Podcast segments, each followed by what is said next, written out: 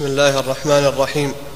والصلاة والسلام على نبينا محمد وعلى آله وصحبه أجمعين. اللهم اغفر لنا ولشيخنا وجميع المسلمين. قال الشيخ حافظ حكمي رحمه الله وفي كتاب السنة للخلال عن ابن عباس رضي الله عنهما قال ينزل الله كل ليلة إلى سماء الدنيا ثلث الليل الأوسط فيقول من يدعوني فأستجيب له ومن يسألني فأعطيه. ويترك أهل الحقد لحقدهم. وعن أبي الدرداء رضي الله عنه عن رسول الله صلى الله عليه وسلم قال إن الله عز وجل ينزل في ثلاث ساعات بقين من الليل يفتح الذكر في الساعة الأولى لم يره أحد غيره فيمحو ما يشاء ويثبت ما شاء ثم ينزل في الساعة الثانية إلى جنة عدن التي لم ترها عين ولم تخطر على قلب بشر ولا يسكنها من بين آدم غير ثلاثة. ولا يسكنها من بني آدم ولا يسكنها من بني آدم غير ثلاثة النبيين والصديقين والشهداء. ثم يقول طوبى لمن دخلك. ثم ينزل في الساعة الثالثة إلى سماء الدنيا بروحه وملائكته فتنتفض. فيقول قومي بعزتي. ثم يطلع إلى عباده فيقول هل من مستغفر أغفر له.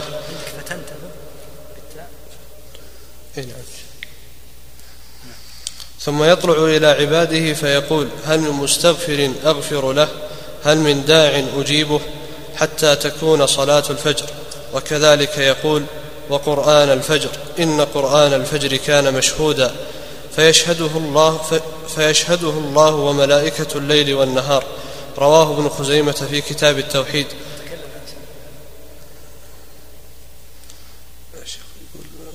مر يقول صاد 535 ارجع عليه حد الموضوع قال صاد الصفحة ارجع عليها يا شيخ.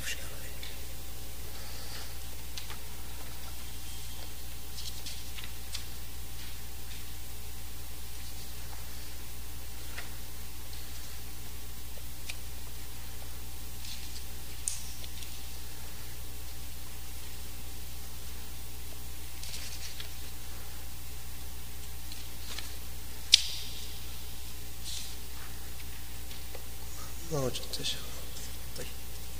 آه فيقول بعد فيقول؟ قيومي. فيقول هل من مستغفر أغفر؟ لا قبله فيقول قيومي. وين يا شيخ؟ فتنتفض فيقول. إيه، نعم. فيقول قومي بعزتي. قومي. اي نعم. نعم. واصل. أسأل الله عليك رواه ابن خزيمة في كتاب التوحيد وقد تقدم قريبا بهذا اللفظ. وله عن القاسم بن محمد عن أبيه أو عمه عن جده عن رسول الله صلى الله عليه وسلم أنه قال ينزل الله عز وجل ليلة النصف فيغفر للمؤمنين الحديث رواه ابن زنجويه. وعن أبي, وعن أبي أمامة رضي الله عنه قال قال رسول الله صلى الله عليه وسلم إذا كان ليلة النصف من شعبان هبط الله تعالى إلى سماء الدنيا فيغفر لأهل الأرض إلا لكافر أو مشاح. رواه محمد بن الفضل البخاري. وعن أبي موسى الأشعري رضي الله عنه قال سمعت النبي صلى الله عليه وسلم يقول ينزل ربنا إلى سماء الدنيا في النصف من شعبان فيغفر لأهل الأرض إلا لكافر أو مشاح. قلت ولا منافاة بين أحاديث تخصيص النزول بليلة النصف من شعبان وبين الأحاديث القاضية أنه في كل ليلة فإن النزول في ليلة النصف من شعبان مطلق والنزول في كل ليلة مقيد بالنصف في لفظ وبالثلث في آخر على أنه ليس في تخصيص النزول بنصف شعبان نفي له فيما عداهما. والأحاديث التي فيها النزول كل ليلة أكثر وأشهر وأصح بلا شك ولا مرية. وقد ثبت النزول أيضا في عشية عرفة كما روى ابن أبي حاتم من حديث أبي الزبير عن جابر بن عبد الله رضي الله عنه عن النبي صلى الله عليه وسلم إذا كان يوم عرفة فإن الله ينزل إلى سماء الدنيا فيباهي بهم الملائكة فيقول انظروا إلى عبادي أتوني شعثا غبرا أشهدكم أني قد غفرت لهم. ورواه الخلال في السنة من حديث أبي النضر عن أيوب عن أبي الزبير عنه يرفعه أفضل أيام الدنيا أيام العشر. قالوا يا رسول الله ولا مثلهن في سبيل الله؟ قال إلا من عفر وجهه في التراب. إن عشية عرفة ينزل الله إلى سماء الدنيا فيقول للملائكة انظروا إلى عبادي هؤلاء شعثا غبرا جاءوا من كل فج عميق ضاحين يسألوني رحمتي. فلا يرى فلا يرى يوم أكثر عتيقا ولا عتيقة.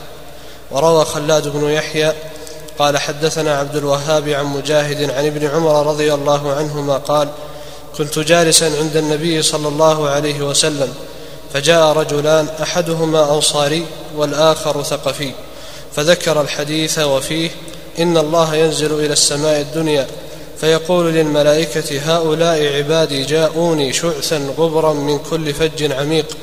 اشهدوا أني قد غفرت لهم ذنوبهم. رواه طلحة عن مجاهد عن مجاهد به.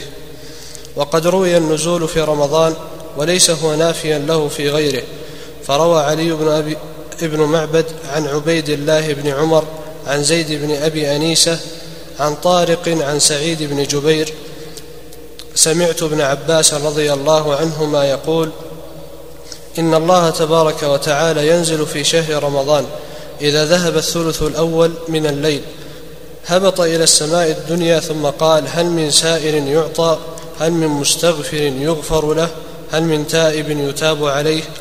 وروى, وروى عبيد الله وروى عبيد الله بن موسى قال ابن أبي ليلى عن المنهال عن سعيد بن جبير عن ابن عباس في قوله تعالى يثبت الله الذين آمنوا بالقول الثابت في الحياة الدنيا وفي الآخرة.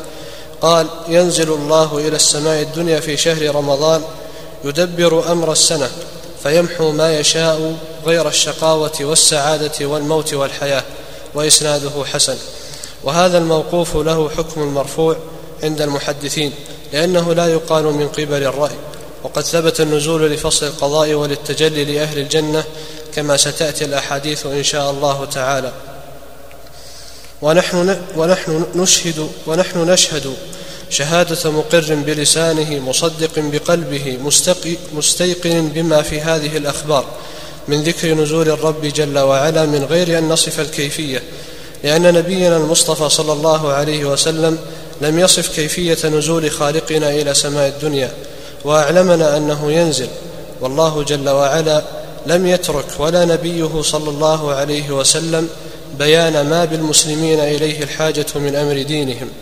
فنحن القائلون مصدقون بما في هذه الأخبار من ذكر النزول كما يشاء ربنا وعلى ما يليق بجلاله وعظمته عز وجل غير متكلفين القول بصفته أو بصفة الكيفية. إذ النبي صلى الله عليه وسلم لم يصف لنا كيفية النزول فنسير بسير النصوص حيث سارت ونقف معها حيث وقفت لا نعدوها إن شاء الله تعالى ولا نقصر عنها. وقد تكلفت جماعة من مثبت المتكلمين فخاضوا في معنى ذلك وفي ذلك الانتقال وعدمه وفي خلو العرش منه وعدمه نفيا وإثباتا وذلك تكلف منهم ودخول فيما لا يعنيهم. وهو ضرب من التكييف لم يأت في لفظ النصوص ولم يسأل الصحابة النبي صلى الله عليه وسلم ولم يسأل الصحابة النبي صلى الله عليه وسلم عن شيء من ذلك حين حدثهم بالنزول. فنحن نؤمن بذلك ونصدق به كما آمنوا وصدقوا. فإن قال لنا متعنت أو متنطع يلزم من إثبات كذا كيت وكيت في أي شيء من صفات الله. قلنا له أنت لا تلزمنا نحن فيما تدعيه وإنما تلزم قائل ذلك وهو رسول الله صلى الله عليه وسلم. فإن كان ذلك لازما لما قاله حقيقة وجب الإيمان به إذ لازم الحق حق وإن لم يكن ذلك لازما له فأنت معترض على النبي صلى الله عليه وسلم كاذب عليه متقدم بين يديه. وروى البيهقي عن الحاكم عن الحاكم عن محمد بن صالح بن هانئ سمع أحمد بن سلمة قال سمعت إسحاق بن راهويه يقول جمعني وهذا المبتدع يعني إبراهيم بن صالح جمعني وهذا المبتدع يعني إبراهيم بن صالح جمع تشمل جمعني وجمع المبتدع. مبتدعة صحيح. بالنصب نعم بالنصب سليم. جمعني وهذا المبتدع يعني إبراهيم بن صالح مجلس الأمير عبد الله بن طاهر فسألني الأمير عن أخبار النزول فسردتها فقال ابن أبي صالح كفرت برب ينزل من سماء إلى سماء فقلت آمنت برب يفعل ما يشاء. وقال إسحاق رحمه الله تعالى دخلت على ابن طاهر فقال ما هذه الأحاديث يروون أن الله ينزل إلى السماء الدنيا. قلت نعم. رواها الثقات الذين يروون الأحكام. فقال ينزل ويدع عرشه. فقلت يقدر أن ينزل من غير أن يخلو منه العرش؟ قال نعم. قلت فلم تتكلم في هذا؟ وقال إسحاق أيضا. قال لي ابن طاهر يا أبا يعقوب هذا الذي تروونه. ينزل ربنا كل ليلة. كيف ينزل؟ قلت أعز الله الأمير لا كيف إنما ينزل بلا كيف. وقال أحمد بن سعيد الرباطي حضرت مجلس ابن طاهر وحضر إسحاق فسئل عن حديث النزول أصحيح؟ قال نعم. فقال له بعض القواد كيف ينزل؟ فقال أثبته فوق حتى أصف لك النزول. فقال الرجل أثبته فوق. فقال إسحاق قال الله تعالى وجاء ربك والملك صفا صفا. قال ابن طاهر هذا يا أبا يعقوب يوم القيامة. فقال ومن يجيء يوم القيامه هذا يا أبا يعقوب يوم القيامة. فقال ومن يجيء يوم القيامة من يمنعه اليوم؟ انتهى من كتاب العلو وهذا الذي قاله إسحاق رحمه الله تعالى الذي عليه عامة أهل السنة والجماعة كما قدمنا عنهم في جميع نصوص الصفات. وأن مذهبهم إمرارها كما جاءت والإيمان بها بلا كيف. لا شك أن هذه النصوص جلية في إثبات نزول الرب تبارك وتعالى نزولا يليق بجلاله وعظمته عز اسمه وأن الواجب مع هذه النصوص الصحيحة أن يثبت ذلك لله تبارك وتعالى وأن يتقى الله تعالى عن الخوض والتكلف فيما لا شأن لنا به وورد أمر النزول في أكثر من حديث والأحاديث دالة على نزوله تبارك وتعالى في الثلث الأخير من الليل وهو وقت شريف للغاية. وجاءت بعض الروايات بأنه ينزل في النصف نصف الليل. وجاءت روايات بنزوله في ليلة النصف من شعبان. وكذا ينزل سبحانه وتعالى عشية عرفة. على كل حال ما ثبت عن النبي صلى الله عليه وسلم من إخباره عن ربه بانه تعالى ينزل فإنه يجب المصير إليه. وعدم التقدم بين يدي الله ورسوله بإيراد الإيرادات وذكر الإشكالات فإن الرب تبارك وتعالى أعظم وأجل من أن يحاط به علما. وأمر الخوض الذي خاض فيه كثير من المتكلمين هل سيخلو العرش منه إذا نزل أو لا يخلو؟ الأصل أن يكف عن الخوض في مثل هذا. ولو كان هذا من العلم الذي ينبغي أن يعلم عن رب العالمين لسأل عنه أفقه الناس وهم الصحابة رضي الله عنهم حين سألوا النبي حين سمعوا النبي صلى الله عليه وسلم يقوله فنحن ينبغي أن نلزم ما لزموه. فكما أنهم لم يوردوا هذه المسألة بين يدي النبي صلى الله عليه وسلم فإنا لا نوردها.